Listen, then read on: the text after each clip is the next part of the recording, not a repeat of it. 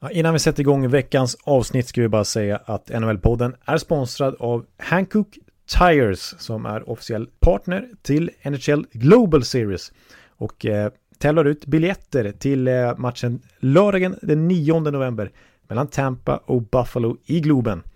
Och eh, det du behöver göra för att vara med och tävla om de här biljetterna det är att surfa in på sportbladet.se. Där det finns en länk till ett quiz där du behöver svara rätt på åtminstone 8 av 10 frågor om NHL för att vara med och tävla om de här biljetterna.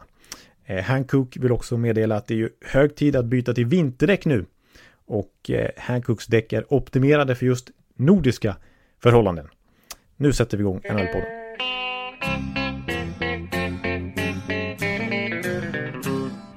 Hello out there, we're on the air. It's hockey night tonight. Tension grows, the whistle blows, and the puck goes down the ice. The goalie jumps and the players bump and the fans all go insane. Someone roars, Bobby scores at the good old hockey game. Oh, the good old hockey game is the best game you can name.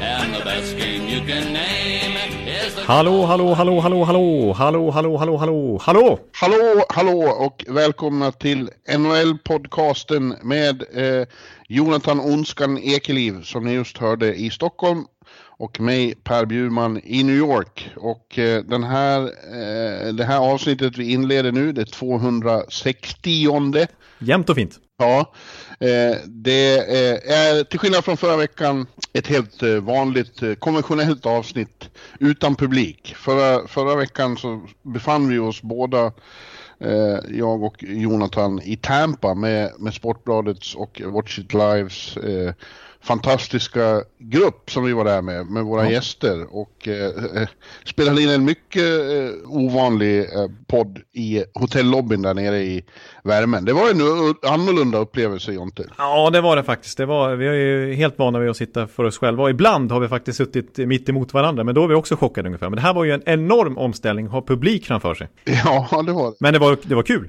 Ja, du var ju så nervös för hur det skulle gå och så, men, men det var ju trevligt. Ja, det var, mycket, det var bättre än väntat och, och väldigt trevligt. Och nu saknar jag ju alla de här 20 personerna framför mig. Nu sitter jag bara och tittar i en, alltså bokstavligen grå vägg. Ja, Ja, ja vi skulle vilja ha Felix Ram och, och allt vad de hette. ja Tommy Berg från Borlänge och Emily från Norge och allt vad det var. absolut. Mycket trevligare. Ja, mycket trevligt. Men eh, vi, vi ska ju om det där någon gång, men då ska vi vara bättre förberedda för att som någon påpekade på Twitter så det hade varit roligare om lite mikrofoner och så, så, så även, även våra gäster hade hörts bättre. Exakt, nu var det mest vi som hördes och lite barskrammel. Ja. det var väl inte, det var inte 5 plus, men eh, det var, det var en 5 plus upplevelse i alla fall, för oss. Ja, men nu vet vi hur, hur, att det är ganska kittlande att göra på det där sättet. Så det Ja. ska vi alltid göra igen, hör du. Absolut, absolut.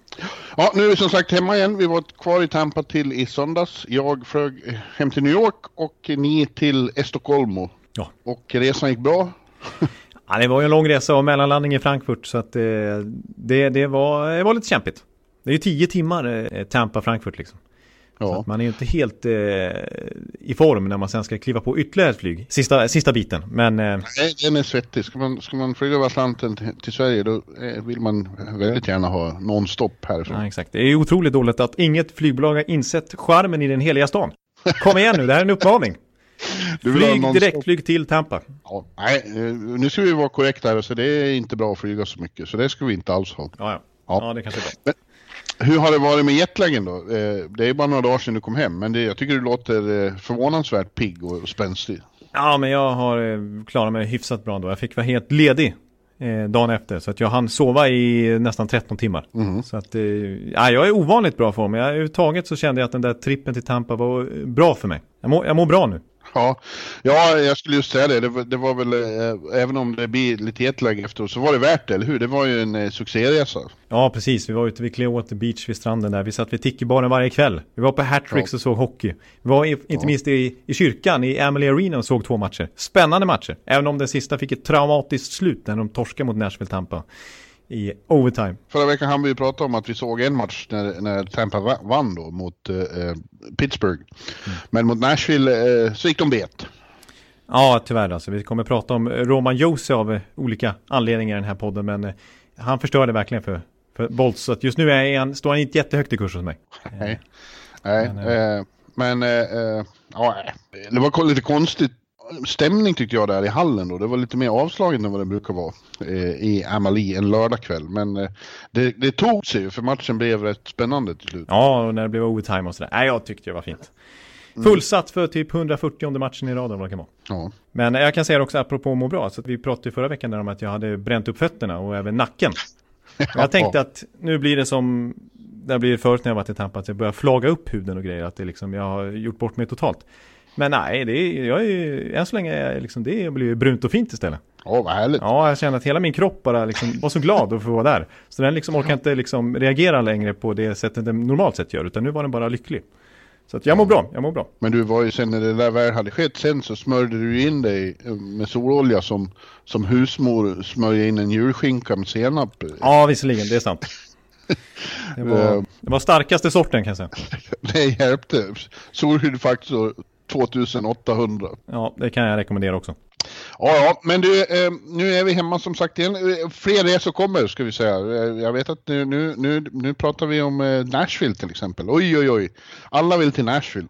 Ja, så är det faktiskt. Och flera av de som var med på resan här nu har redan anmält sitt intresse om, om det blir en, en till resa, vilket det förmodligen blir då. Så att det, det gäller att vara ute i god tid då, om man vill ja. hänga med nästa gång. Mm. Ja, vi återkommer om det. Ja, men sen senast, det har som sagt hänt en del. Du var redan inne på det, så vi kan väl lika gärna ta det då.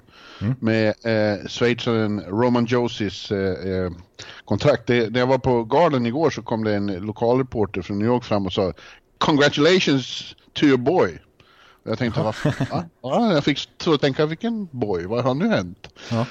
Alltså frågade jag efteråt, vad, vad menar du med det? Uh, Josie, it's a new contract. Ah, oj. Han, han, han gjorde den klassiska. Ja, he's from Switzerland, I'm from Sweden. Oh, oh, oh, oh. aj, aj, aj, aj. Ja, men ja. han fick ett stort nytt kontrakt här. Ja, ja, precis, det fick han. Det fick han. Och eh, som sagt, eh, i den här Tampa-matchen vi såg så var han involverad i alla tre mål. Ja. Och leder ju den interna poängligan just nu ihop med en annan back, eh, Ryan Ellis i Nashville.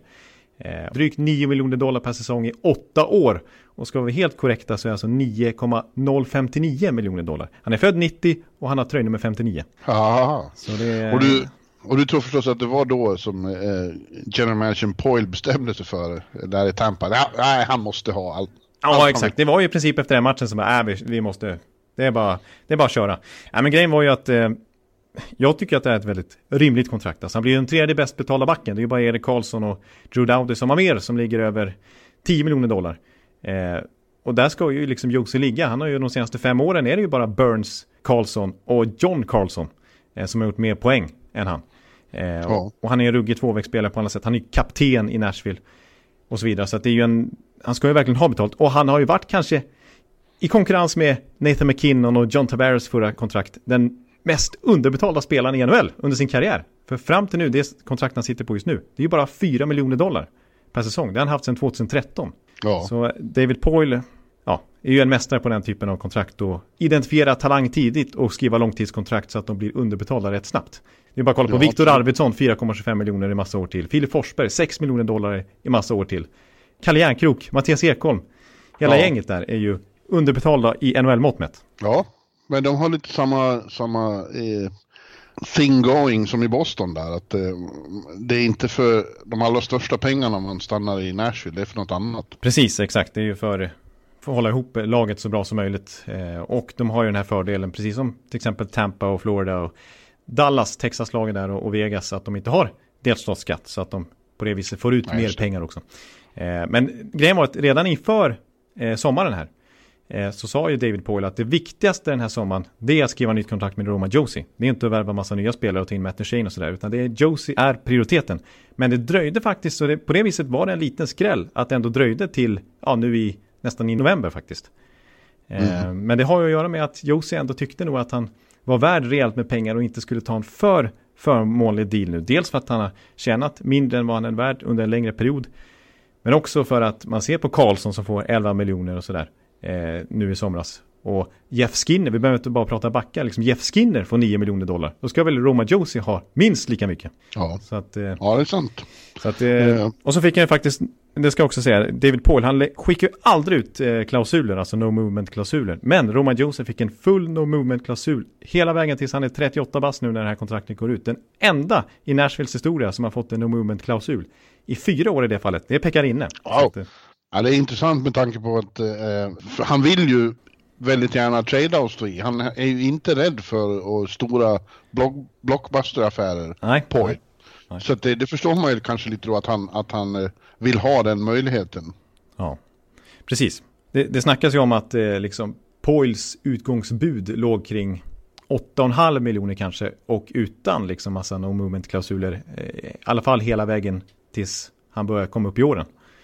Eh, men de fick eh, ge och ta lite grann. Jag menar, Josie ville säkert ta över 10 miljoner från början. Så att 9 miljoner känns som en superdeal för båda parter faktiskt. Ja.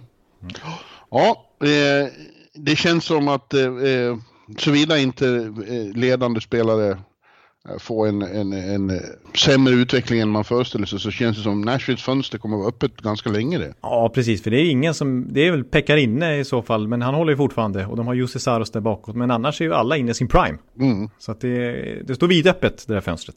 Och att Jussi Saros kan spela bra hockey, det såg vi ju faktiskt i Tampa. Han var ju lysande där. Han var lysande i den matchen. Eh, och stängde igen butiken, tyvärr. Ja. Ja. Du, I övrigt så är det väldigt mycket som rör själva nyhetsbiten just nu. Det är, är dessvärre tråkiga skador och eh, jag tänkte börja med en som jag faktiskt inträffade här på, på Garden igår kväll. Det är onsdag när vi spelar in det här och tisdag så var det ju faktiskt så att jag hann inte mer än hem så kom Tampa efter mig upp hit till, till New York. Ja, Eh, Lightning då och spelade på Garden mot Rangers och fick synnerligen överraskande stryk med 4-1. usch. Eh, då gick ju dessvärre Victor Hedman sönder på något vis. Han spelade första perioden och sen kom han inte ut något mer och eh, eh, beskrevs efteråt som en oväntad överraskande, eller, eller Cooper var överraskad över att han inte kunde spela vidare, var, eh, lite kryptiskt. Eh, men det var en, en, någonting i nedre delen av kroppen, oklart om han ska spela ikväll i New Jersey. Men eh, ur svensk perspektiv så tänker vi framförallt på vad händer med, med matcherna i Globen eh, om nästa helg. Ja, där, där vill ju inte vi som publik missa och framförallt inte han. Nej, Så, eh, som har ju liksom, han har ju köpt 50 biljetter eller sånt där till den där matchen. Själv bara, så att eh, det, det ja, ja, vi får se vad som händer. När ni hör det här så kanske fler rapporter har kommit. Men det känns, ja, min känsla i alla fall att det är en lite säkerhetsåtgärd från framförallt Hedmans sida. Så att han inte riskerar eh, Stockholm. ja Trippen. kanske det. Det, Mm. det sägs ju day to day, så förhoppningsvis är det inte, det är inte så allvarligt. Men eh, värt att hålla koll på. Ja, det är det. Men som du säger, var, han var inte den enda skadan som har dykt upp här sista dagen i NHL. Nej, eh, en betydligt värre som redan är bekräftad som riktigt eh, eh, tung eh, skada är ju eh, Vladimir Tarasenko. Oj, vilket I- uttal! Ja, i, i St. Louis. Han eh, skadade axeln i en, en match här. Tvingas till operation och missar resten av grundserien. Ja, det är ju stenhårt slag för St. Ja. Louis. Visst, de har, jag tycker att en oerhört styrka i det laget är bredden. Jag menar, vi snackar ju så mycket under slutspelet om fjärde kedjan liksom. Med Oskar Sundqvist, Alex Sten och Ivan Barbashev. Så det finns ju att ta av där och folk som kan klättra lite i hierarkin. Eh, Sundqvist fick ju faktiskt i första matchen efter den där skadan kliva upp i första kedjan. Ja, ja, alltså det, finns, det är definitivt så att det finns lag som skulle drabbas mycket värre av att en stjärna av den kalibern eh, försvinner i ett halvår. Eh, det är, St. Louis kommer att- klara det galant tror jag. Men samtidigt är det såklart svider att bli av med, med den eh, udden där, den spetsen som han bidrar med. Han är ändå en gamebreaker och St. Louis är liksom ändå, trots att de gick och vann hela grejen förra året, så är de ju fortfarande kanske inte så här superdominanta i matchen, utan det brukar vara rätt tight liksom. Och då behöver man en gamebreaker som kan göra det matchavgörande målet. Och Vladimir Tarasenko är trots allt intern skyttekung fem år i rad i Blues. Ja, Så att det är ju, det är ju verkligen en smäll. Som Ja, det är det. Mm, mm. men igen, det hade kunnat vara, det hade varit värre för andra. Alltså, tänk dig Edmonton utan eh, McDavid. Nej, precis, exakt. Nej, precis. St. Louis kommer kunna hålla sig flytande.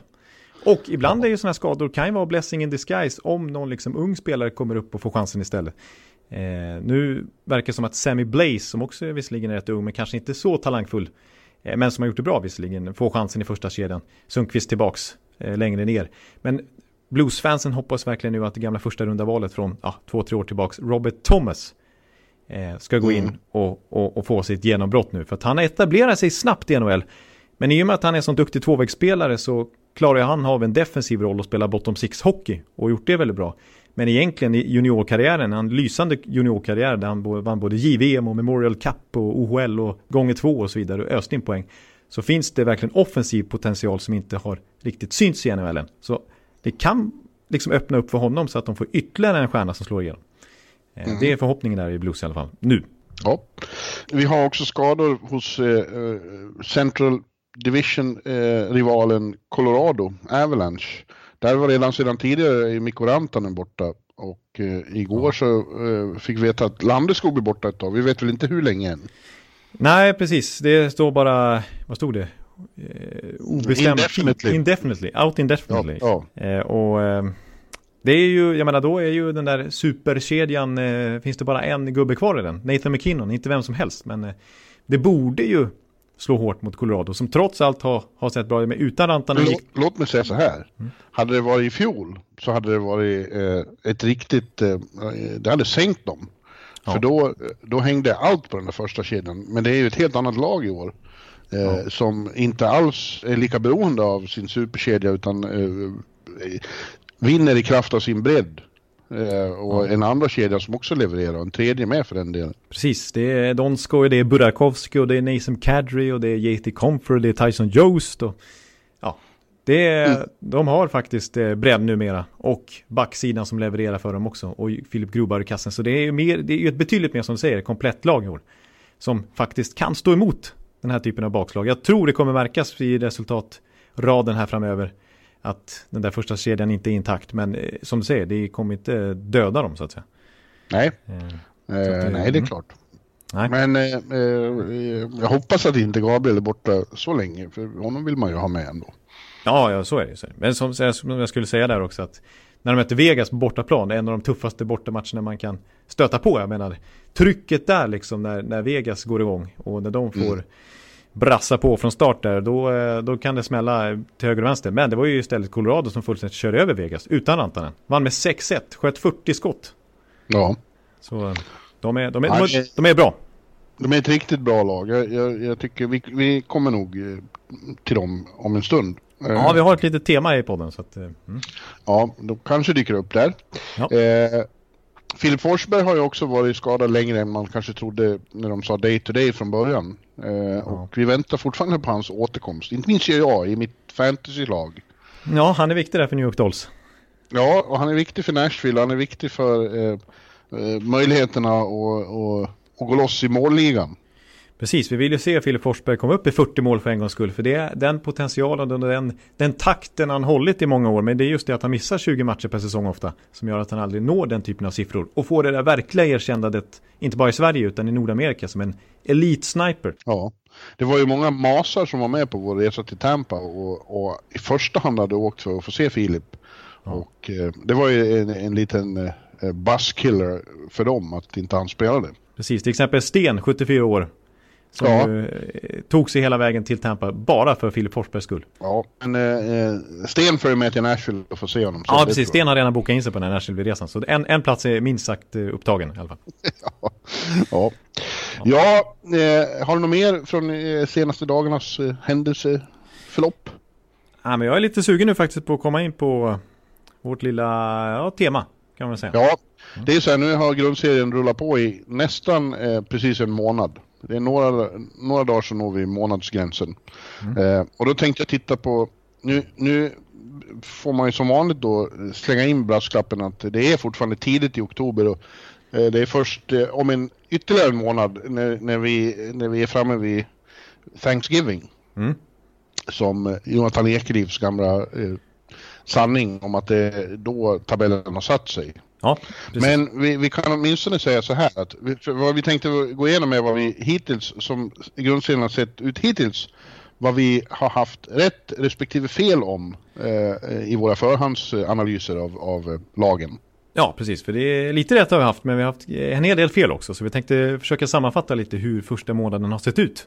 Ja, och, och vi, ja, vi börjar med eh, rätt och fel och rätt och fel. Och, och jag, tänkte, jag tänkte leda det här eh, och säga åt både dig och mig. Okej, okay. ja det är bra. Då slipper jag eh, leda det här. Ja. Kan jag haka på?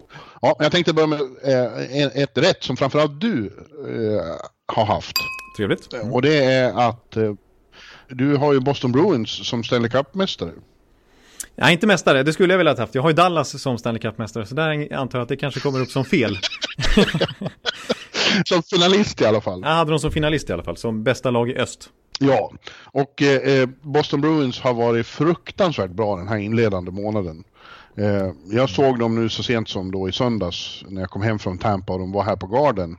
Och då gjorde Rangers en av sina värsta plattmatcher på år och dag. De, jag, jag skrev i bloggen igår att de såg ut som Greenville Swamp äh, Rabbits. Ja, just det, ECHL-laget. ja, äh, en skadedrabbad version av äh, Swamp Rabbits.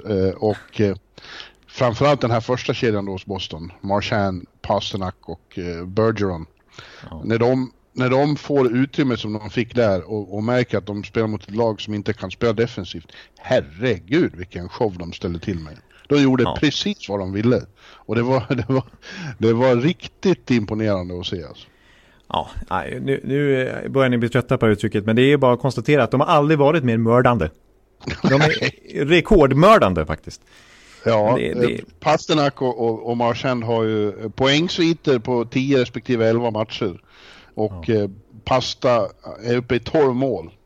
Och ja. Eh, kommer ju att tävla med, om, om det fortsätter så här och han är frisk, så kommer han ju faktiskt att ge eh, Ovechkin en riktig match som segern i, i, i Rocket Richard eh, där. Ja, absolut. Precis. Och det pratade vi ju lite om för någon vecka sedan också, eller två i alla fall, att Ja men alltså hans målsnitt förra säsongen var ju faktiskt bättre än Ovechkins. Det var ju bara det att han missade ett 20-tal matcher. Så ja. redan då höll han tempo för att spräcka 50-målsvallen. Och som han fortsätter just nu, visst han har hög skottprocent och väldig utdelning, men det känns som att han har tagit ett kliv till.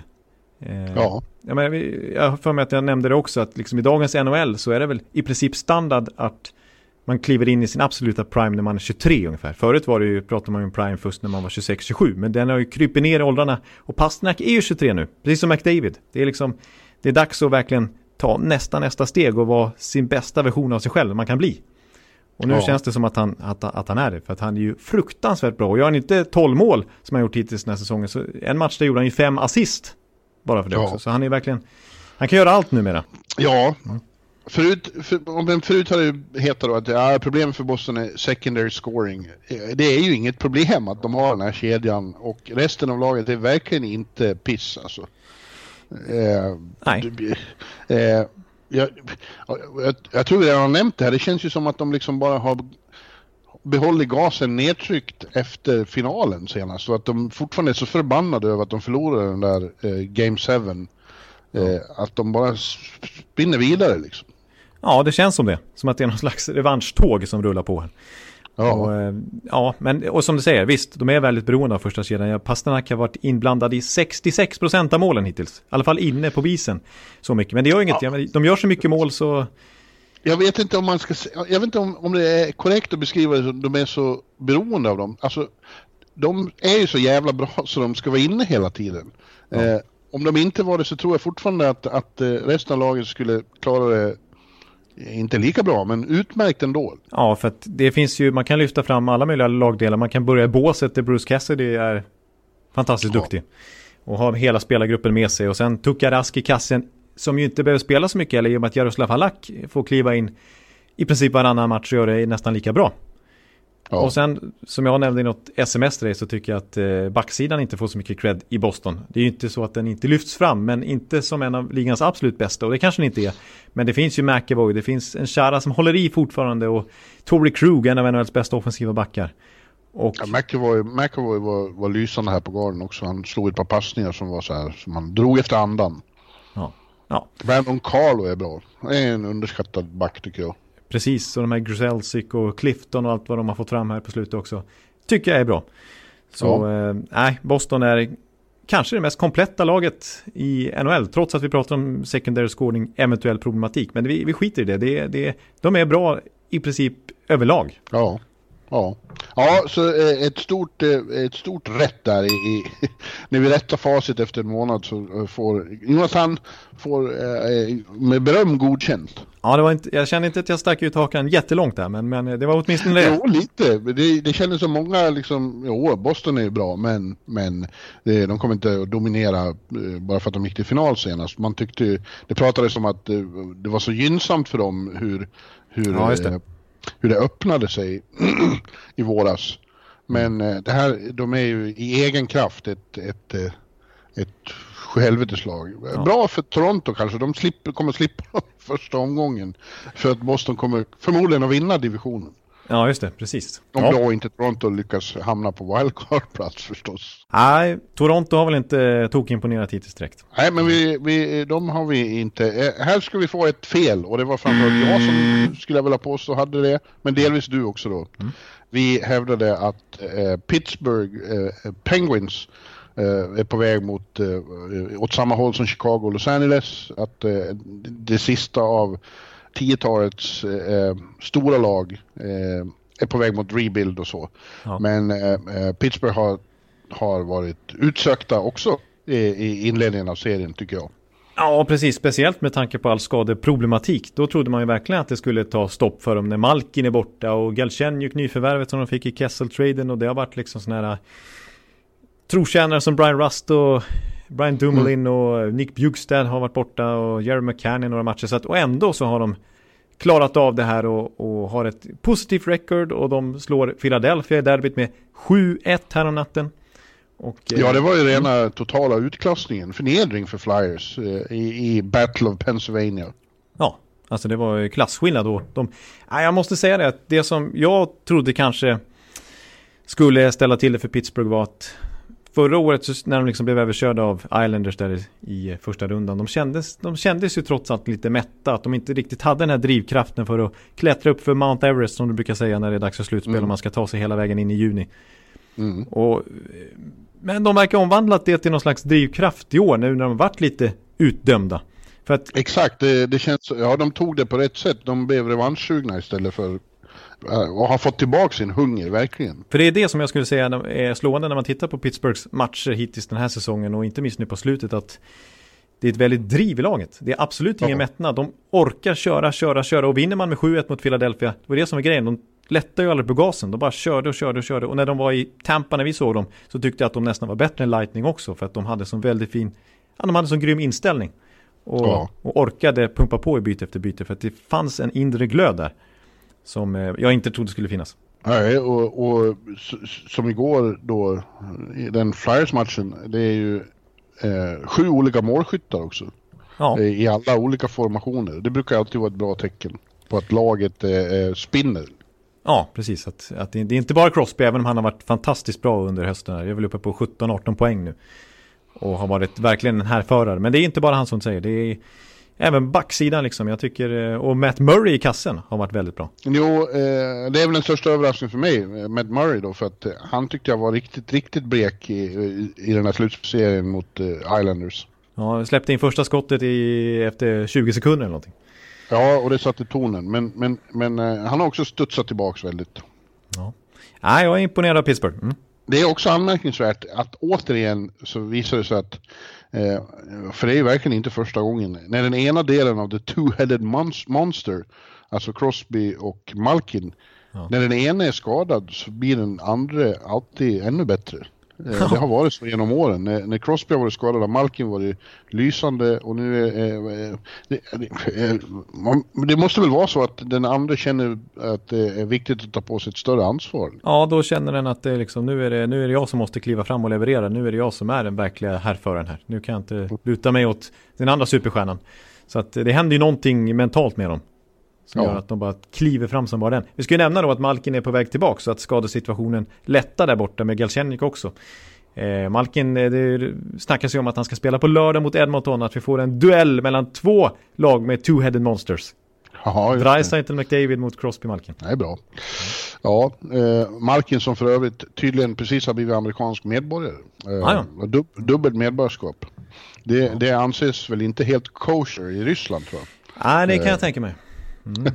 Men han vill då uppenbarligen vara kvar här efter karriären och eh, har skaffat sig med, medborgarskap. Jag förstår. Ja, det var ju inte helt lätt när han tog sig över. Jag får bara nämna storyn snabbt nu. Han gick under jorden i Finland i en lagresa där och, och, och flydde på flygplatsen där i Vanta eller vad den heter. Och sen så... På, på, gammalt klassiskt avhopparvis, alltså som Sovjetspelarna fick lov att göra. Ja, ungefär på det viset. Ja, precis. Och sen är plötsligt så dök han upp i flögan, lyckades han hitta något flyg efter några dagar till Los Angeles och därefter varför, till... Varför var det så då för? Då, då, då fick ja, men han, jag tror han hade kontrakt, eh, gällande kontrakt med eh, Metallurg. Okej. Okay. Eh, och, och, och, då var ju KHL precis i uppstartsfasen väl, så att det var ju otroligt mycket prestige. Och han var ju superstjärnan i ligan så att inte aktuellt att släppa honom, speciellt inte, jag vet inte om han hade kontrakt, men eh, kontraktet mellan NHL och KHL, eller i alla fall ryska ligan, det kanske inte KHL riktigt hade börjat då än, var i alla fall betydligt hårdare och striktare. Så att eh, egentligen fick inte Malkin åka iväg och skriva på för Pittsburgh, men han smusslade rejält där för att ta sig över. Ja, ja eh, ett eh ett, eh, vad ska vi kalla det, negativt rätt. Ett, ett lag som vi tippade skulle bli dåliga och har varit dåliga. Det ja. finns ju flera sådana, men jag tänkte framförallt faktiskt på LA Kings. Eh, har, eh, eh, de är inte bra och det tyckte vi att vi förstod från början. Eh, de är för långsamma och de är för, eh, de har några få riktigt bra NHL-spelare men inte så många i övrigt. Nej, och precis. Och det värsta för dem tycker jag, det är ju att Jonathan Quick inte kan rädda dem längre. Eh, tvärtom så är att han, han är ett sänke. Han är sämst räddningsprocent av alla startmålvakter i hela ligan så här långt. Han ligger på 84. Och håller ju på att bli utkonkurrerad av Jack Campbell där. Eh, så att han är ju in, en icke-faktor numera. Sånt händer ju. Eh, ja. Men jag såg, alltså de hade ju en eh, disastrous eh, bortaresa här i Kanada. Eh, mm. Mm. När Todd McClellan efter sista matchen ändå sa att ja, det var ändå positivt det här för nu har vi fått klart för oss vilka som inte kan spela igen väl och behöver åka någon annanstans ett tag. oj, oj. Den är ganska brutal. Den, är hård. Den är hård. ja. ja. ja men eh. det har ändå varit så här, underliggande siffrorna har varit överraskande bra. De ligger ändå över 50% i sådana här, som jag anser, viktiga kategorier i alla fall som Corsi, skottprocent och Ja, det visar sig att de inte alltid betyder så mycket. Nej, men, och expected goals och, och, och, skott från slottet eh, för respektive emot, sånt där som brukar ha betydelse. Men inte alltid naturligtvis, och framförallt inte om man målakt som kastar in puckar. Nej. Eh, så att... Eh, nej, nej, och när Kotte säger att vi har fulla lager av spelare som inte kan spela i NHL, så brukar det vara ganska allvarligt. Också. Ja, det är ganska allvarligt också. Och det Ja. Ja, men det, och det, jag vet inte, LA Kings, vi berömde dem ändå lite i somras för första gången på länge. För att de ändå inte tog in ytterligare någon gammal spelare på långkontrakt utan snarare köpte ut Dion Fnaf och byggde upp sin prospect pool och hade mycket val i både första och andra rundan och sådär. Men, ja, men de är ju i nuvarande skepnad så är de ju felbyggda för, för, för flera år sedan. Ja. Eh, som, är, som är svårt för nuvarande GM att göra något åt men han har inte gjort särskilt mycket för att och ändra det heller. Och för... förra säsongen så hade han ju total felanalys av sitt lag. Han trodde att de var en contender. Ja. Jag tycker visst anställningen av Todd McLellan är väl bra. Det är, en, det är ju en bra coach. Så det kan ju aldrig vara dåligt att vara en bra coach. Men samtidigt känns det... McLellan är ju också lite så här... Han har haft liksom många, många han har ändå haft prime-lag. Tagit liksom San Jose under många år. Och skulle liksom lyfta upp eh, McDavid i Edmonton och sådär. Eh, så att det indikerar lite grann, tycker jag också, att från LA Kings sida att man, man vill ändå vara bra redan nu.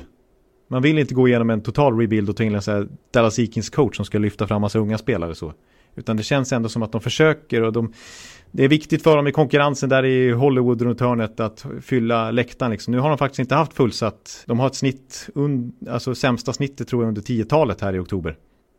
På matcherna. Ja. Så att de, de måste inse ännu mer tycker jag att eh, det är en full-blown rebuild som gäller det. Ja, det är det. Det är bara så. Mm. Finns ingen, finns, finns ingen liksom eh, genväg förbi det. Nej, det räcker inte bara med att ta in Todd McLellan och, och liksom hoppas att allt löser sig på grund av det. De måste göra mer Rob Lake om du ska vända på skutan. Cool fact a crocodile can't stick out its tongue. Also, you can get health insurance for a month or just under a year in some states. United Healthcare short term insurance plans, underwritten by Golden Rule Insurance Company, offer flexible, budget friendly coverage for you. Learn more at uh1.com. Ja. Du, om vi håller oss kvar i, i Kalifornien så är ju ett fel som vi hade, skulle jag vilja påstå ändå, eh, att eh, San Jose Sharks eh, inte har hållit den kvalitet vi trodde att de skulle göra. Vi hade visserligen vissa reservationer om att, om att eh, de är bohemer och att eh, eh Joe Pavelski säkert lämnar någon slags, om inte annat, mentalt tomrum efter sig. Men ja. eh, att de skulle vara så dåliga som de har varit nu på slutet, det visste vi inte. Vare sig du eller jag, Jonathan Ekeliv. Nej, vi hade ju lite dubier också kring deras bredd och sådär. Att de satsar så otroligt mycket pengar på ett fåtal spelare. Däribland Erik Karlsson. Mm. Men de har ju verkligen inte levt upp till förväntningarna. Någon. Varken secondary scoring-gänget eller framförallt då de som ska leda laget. Nej. ingen dålig hurring han fick Erik Karlsson här i media som ni säkert har sett. Eh, när Jeff O'Neill använde våldsamma ord där. Han ska skämmas och allt vad han sa. ja, och Peter Bohr så eh, konstaterade att eh, det är mina, de bra, ingen av mina bra spelare är, tillräckligt bra just nu. Nej. Och det är ju Erik, nej det har inte gått något bra alls för Erik. Eh, jag vet inte om man, det finns väl kanske en förmildrande omständighet i att det var dramatiskt när han blev pappa här då, att det var, och att det gjort det lite komplicerat, jag vet inte. Men det är ju lika med Brent Burns och Logan Couture och, och. Timo Mayer är jag nästan mest besviken på. 2 plus 2 hittills. Eh, jag trodde ja. han skulle lyfta i år i en ännu större roll. Jag hade liksom 30 mål i andra kedjan i fjol utan att ingå i första PP. Men nu står han på två mål bara. Och har inte alls kommit upp i nivå. Eh, liksom alla vi du nämnde där. Eh, och, och, så har ju de också, precis som Los Angeles, en, en målvakt som lever på lite gamla meriter. Martin Jones har inte varit bra på ett tag nu. Nej, istället kom ju Dell in och var bra här då. Eh, hyggligt bra. Ja, men alltså de har ju också haft en, en bortaresa från helvetet här i med fem raka förluster mot eh, kanadensiska lag. Eh, ja. Framförallt. Eh, Ottawa körde över dem till exempel. Ja, de fick till och med stryk med Ottawa. Det är väl jävligt egendomligt att nu har Erik varit där två gånger hos eh, i, och hälsat på ruinerna av det lag han ledde en gång och fått stryk båda gångerna. Ja, det, det är märkligt. Men, eh, och här kan jag bara nämna också med underliggande siffror. De stämde ju inte så bra i LA Kings fall. Men man kan säga så här om, om San Jose att det är inte så mycket som tyder på att det här är på väg att vända heller om man kollar på deras siffror. För de har otroligt svårt att föra spelet i, i 5 mot 5. De är ett av ligans absolut sämsta 5 mot 5 lag. Har sämst, klart sämst målskillnad 5 mot 5. Mm. Eh, och så det är egentligen PP och Boxplay som har hållit dem någorlunda flytande i alla fall så att de inte har ramlat ner hela vägen ner i botten. För att i PP är de fortfarande 25-26-procentiga och jag undrar om de inte har till och med ligans bästa Boxplay. De ligger på 90% i alla fall. Så ja. där har de klarat sig bra och där har Erik Karlsson gjort sina poäng för han har ändå en godkänd poäng poängfacit hittills. Men i 5 mot 5, där är det ingen i, i eh, San Jose som levererar. Nej. Men eh, jag vill samtidigt eh, eh, reservera mig för att jag tycker att vi i många år eh, har, har vid tillfällen sagt att det, det, ser så, nu ser så bedrövligt ut i San Jose och Peter Bohr måste hänga löst och så. Men på något vis så, så, så kommer de ofta till ett vägskäl där de plötsligt lyfter sig. Det har ju hänt många gånger. Ja, det har faktiskt hänt och som sagt, de har en månad till på sig innan jag kommer med, med min lilla snara ja, där. Slutgiltiga domen. Ja. Eh, och jag, jag håller också fast vid det där att det finns ett, ett bohemiskt drag i truppen. Eh, att man ibland garvar för mycket i San Jose och inte riktigt tar det så seriöst som man borde. Och när de sen väl gör det så blir det andra bullar. Precis, och vi har ju sett bullar. Eh, bullar. Andra bullar. ja, visst. Ja, det blir ju andra bullar i San Jose vet du, framåt eh, vårkanten. ja, just det. Ja, ja nej, men... nej, men... Ja, det var kul. Och vi vet ju också att eh, framåt eh, våren där så är det handlar bara om att ta sig till slutspel. Alla fyra wildcard-lag slog ut divisionsvinnarna. Så att eh, mm. det räcker med att bara ta sig dit och det har San Jose potential definitivt att göra fortfarande. Mm. Ja, det tror jag också. Eh, ja, nu blir vi verkligen kvar i Pacific här för att jag, eh, ett rätt som jag, jag skulle vilja påstå att eh, åtminstone jag hade eh, när jag äntligen har fått rätt i att eh, Arizona Coyotes skulle bli ett bubbellag i år och ha chans att slåss om, om slutspelsplats. Och eh, mm. det, eh, det har de, så har de ju sett ut hittills. Coyotes. Ja. Precis, vi var i vår första podd eventuellt nämnde vi dem och då tyckte vi att ah, de började ju med att knappt göra mål och förlora två raka matcher i början men sen dess har de knappt förlorat. De har spelat otroligt bra hockey och börjat göra mål dessutom. De snittar tror jag fyra mål de senaste 6-7 matcherna som de har vunnit nästan alla också. Ja, och det här är ju den stora skillnaden mot alla tidigare år att, att eh, de har fått en anständig start. För att eh, tidigare har det varit så att Coyotes alltid eh, inleder katastrofalt. Ja. Uh, och sen när de har börjat komma upp i, i, i sin uh, fulla potential då har de varit för långt efter för att det ska hjälpa. Ja, precis. Och, och nu trodde man ju då, de, de inledde med två förluster igen, om att jaha, the same old song. Men nej, det har de vänt snabbt nu.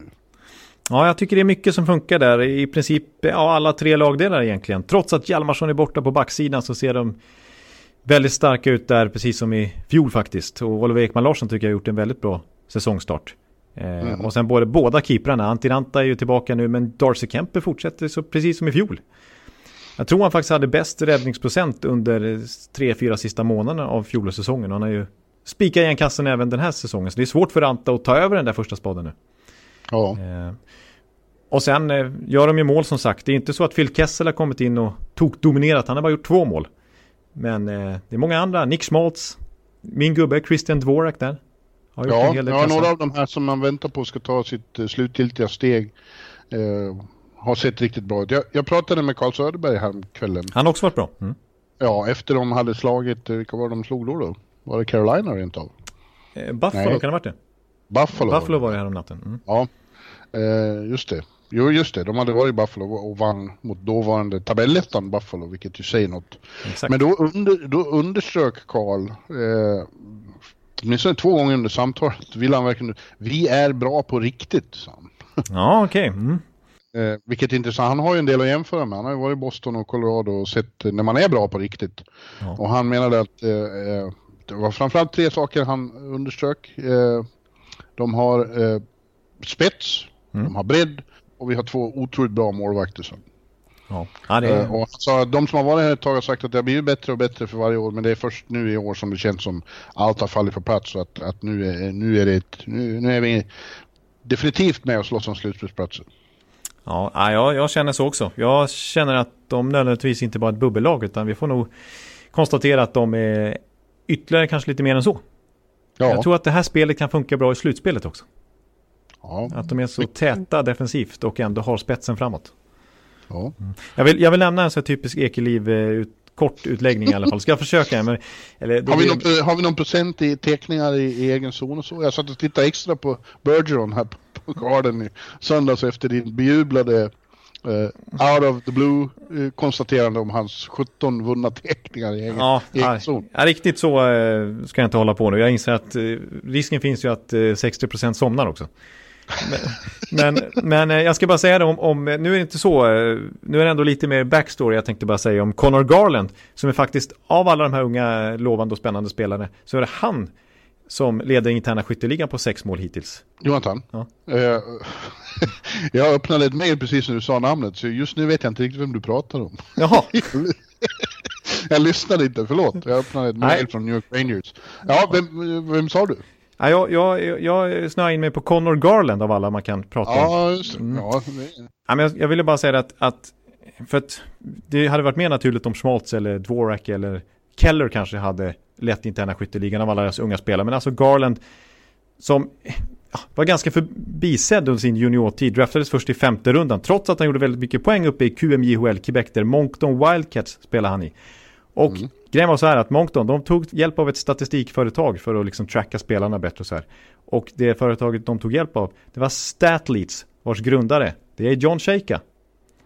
Så han hade ju okay. dunderkoll, eh, Sheika och hans företag, på just Garland under hans juniortid där borta. Eh, så att trots att ingen annan brydde sig om Garland så hade Sheika eh, lång, under lång tid koll på honom. Och Arizona draftade honom, det gjorde de faktiskt några dagar innan Shaker blev anställd. Men jag antar att han hade ett finger med i spelet där ändå. Och eh, ja, nu ser vi då att han fullständigt exploderat här i alla fall i början av säsongen. Eh, så att eh, jag tycker ändå en lite speciell koppling att en spelare som varit helt förbisedd i juniortiden, någorlunda i alla fall, fångas upp av Shaker, hans statistikföretag och nu slår igenom i hans eget NHL-lag också. Ja, ja det, är, det är värt att poängtera. Ja. ett fel vi har haft, skulle jag vilja påstå, både du och jag. Ja. Eh, eh, trodde att, eh, du för dock mer än jag, jag, jag hade ändå varnat lite för dem. Ja. Eh, att, eh, det, och, men det var ju inte bara du, det var många som trodde att eh, Islanders kommer att ta ett steg tillbaks i år, att de kommer inte att, att ha samma eh, slags säsong. Nej. Men nu står de på sju raka segrar och är ett av östra konferensens absolut bästa lag igen och de mest svårspelade. Eh, Och de ser, de ser riktigt starka ut, Jonte. Det gör de faktiskt. De är precis som i fjol jättesvåra att göra mål på, väldigt svårforcerade. Och för, Ja. för ju inte matcherna, det gör de ju inte. Det är inte jätteunderhållande att titta på Islanders tycker jag. Eh, också, de är näst sist till exempel i skottprocent så att de får ju spela en hel del försvarsspel. Men de stänger ju igen de där. börjat, ja, men de har samtidigt de senaste matcherna här, eh, senaste två veckorna, så har de börjat gjort mål. Ja, ja exakt. Och Barzal tycker jag har studsat tillbaka också efter en lite mer misslyckad fjolårssäsong. Så är han riktigt bra. Det var lite intressant på en presskonferens här som Barry Trot- Trotz höll nyligen. Trötts? Trötts. Barry Trotz. Eh, Barry Struts. Eh, han, kan- han är en struts och stoppar i handen, sand, huvudet i sanden. Ja. Nej, det är han inte alls det. Nej, Fast han har ingen hals. Nej Nej, eh, sant.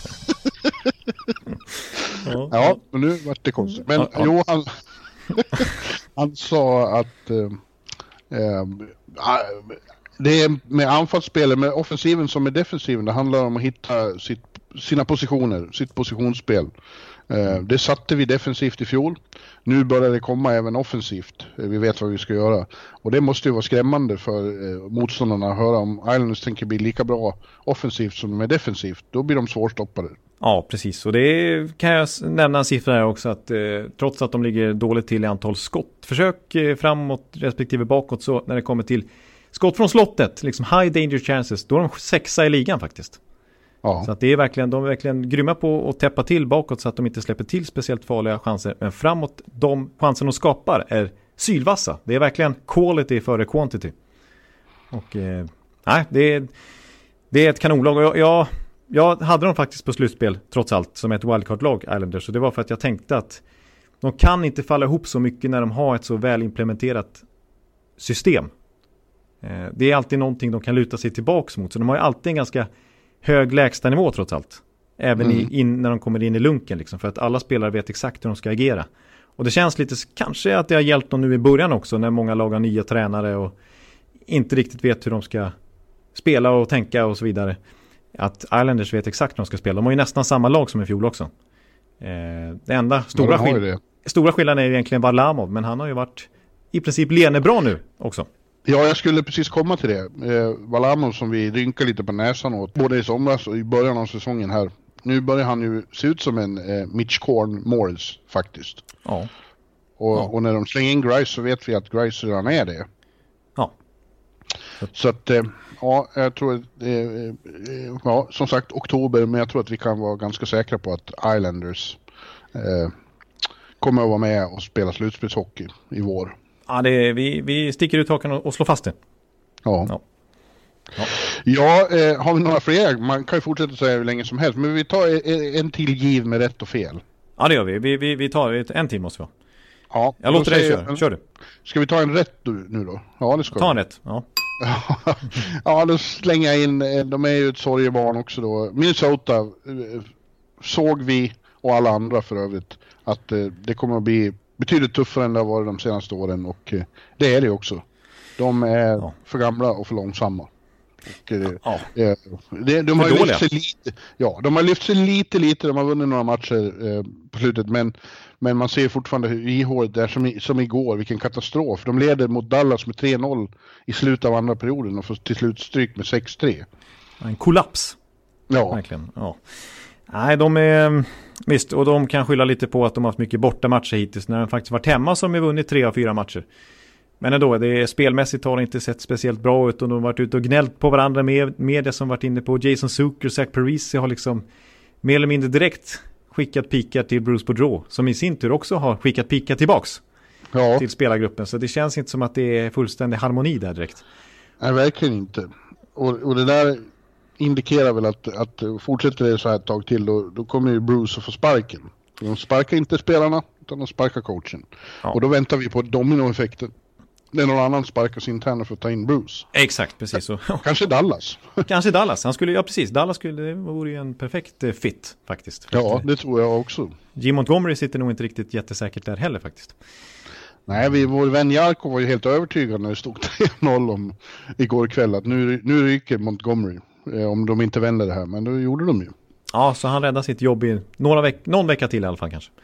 Mm. Eh, men eh, ja, det, det känns, eh, jag menar så här, Mikko Koivu, det är inga poäng längre. Erik Stahl leder interna poängligan nu på 8 poäng.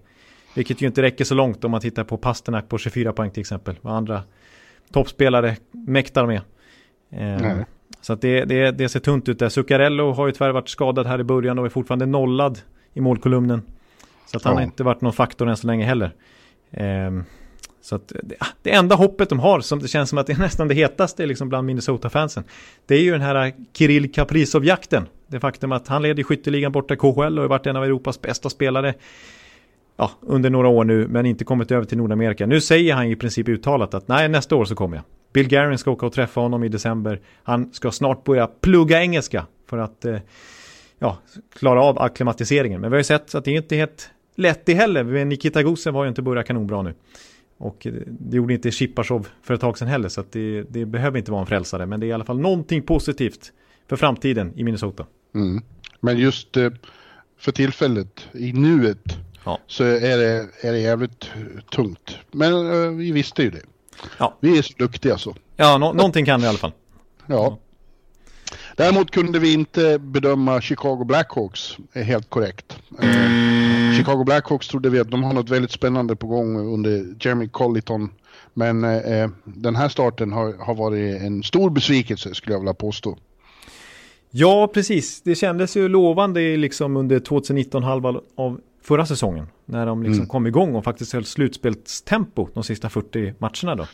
Och mycket Ja, började du- stämma. Och, Du hade din Mora-teori där om att det är andra säsongen Collitons idéer får fäste och, och han gör lagen eh, stora. Men Precis. eh, nej du.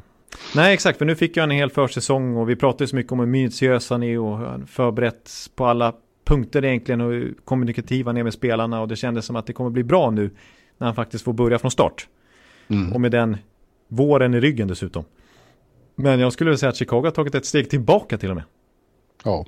Ehm, Det är... eh, Försvarsspelet är minst lika dåligt som i fjol trots att de ändå fått in Calvin DeHaan och Olli Mäte till exempel. Och eh, anfallsspelet är ju inte bra. Så Jonathan Taves efter sin poängbästa säsong i karriären i fjol så är nu, står han nu och stampar på 1 plus 1.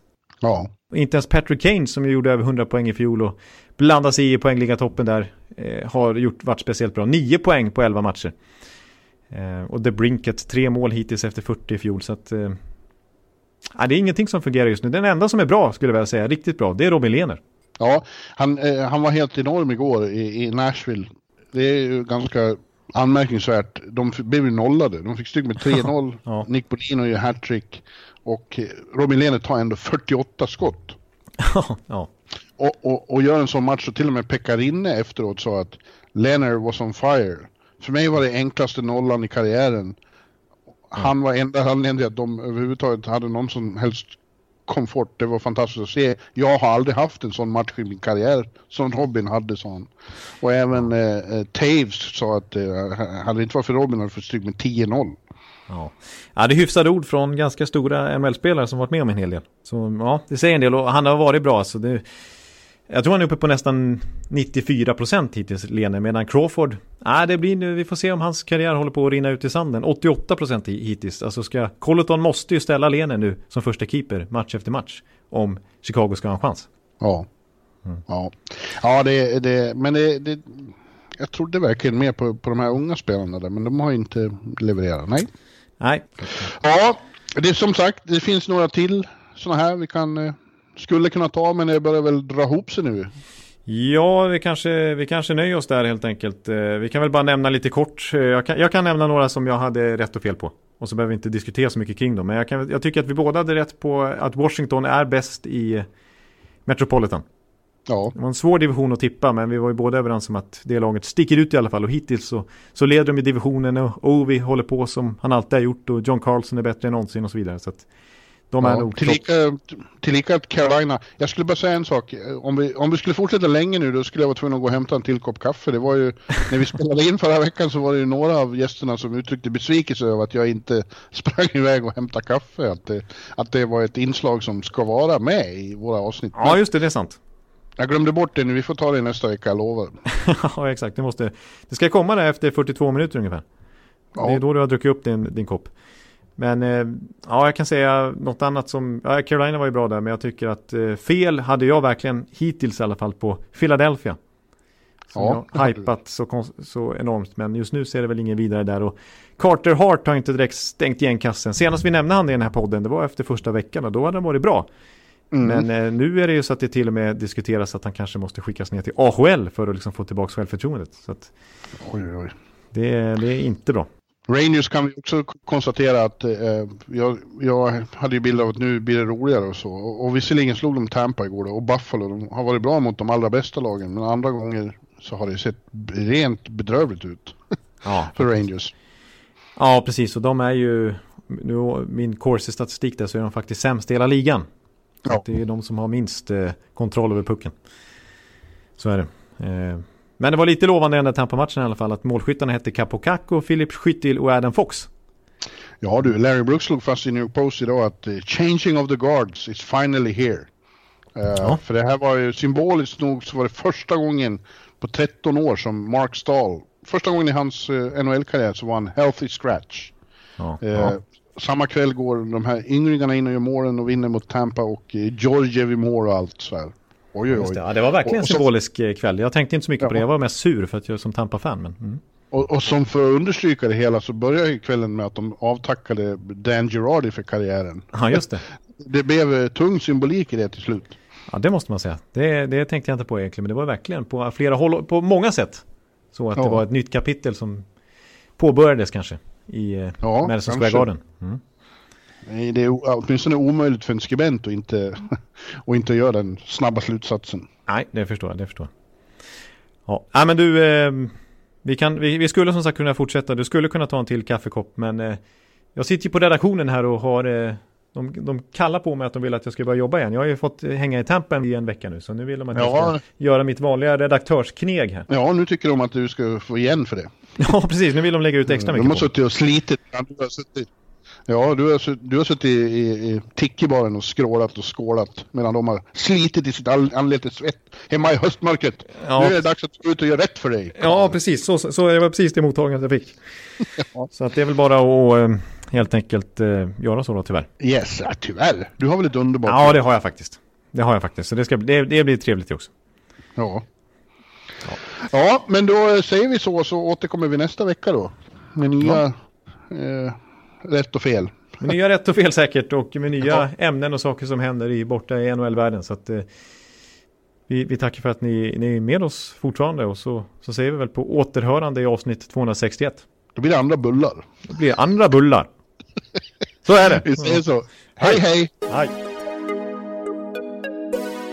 Hallå, hallå, hallå. Hallå, hallå, hallå. Alex Chiazot, Joe Luis Arena och Esposito. Esposito. Uttalsproblem, men vi tjötar ändå. Och alla kan vara lugna, inspelningsknappen är på. Bjuder Hanna Kohl, han är grym i sin roll. Från Kållesoffan har han fullständig kontroll på det som händer och sker. Det blir ju allt fler som rattar in hans blogg. Och lyssna på hans podd. One, two, time, speed, so Hallå, hallå, hallå. One, two, time, speed, so Hallå, hallå, hallå. Ekeliv, som är ung och har driv. Verkar stor och stark och känns allmänt massiv. Han hejar på Tampa och älskar Hedman. Sjunger som Sinatra. Ja, och det ser man. Nu är det dags för refräng. Dags för magi, Victor Norén. Du är ett geni. Så stand up at home and remove your hats. Höj volymen, för nu är det plats. One, two, time, speed, so Hallå, hallå, hallå. One, two, time, speed, so Hallå, hallå, hallå. One, two, time, speed, so Hallå, hallå, hallå. One, two, time, speed, so Hallå, hallå, hallå. otroligt länge sedan båda samtidigt var så här bra. Hallå, hallå, hallå. Det är otroligt länge sedan båda samtidigt var så här bra.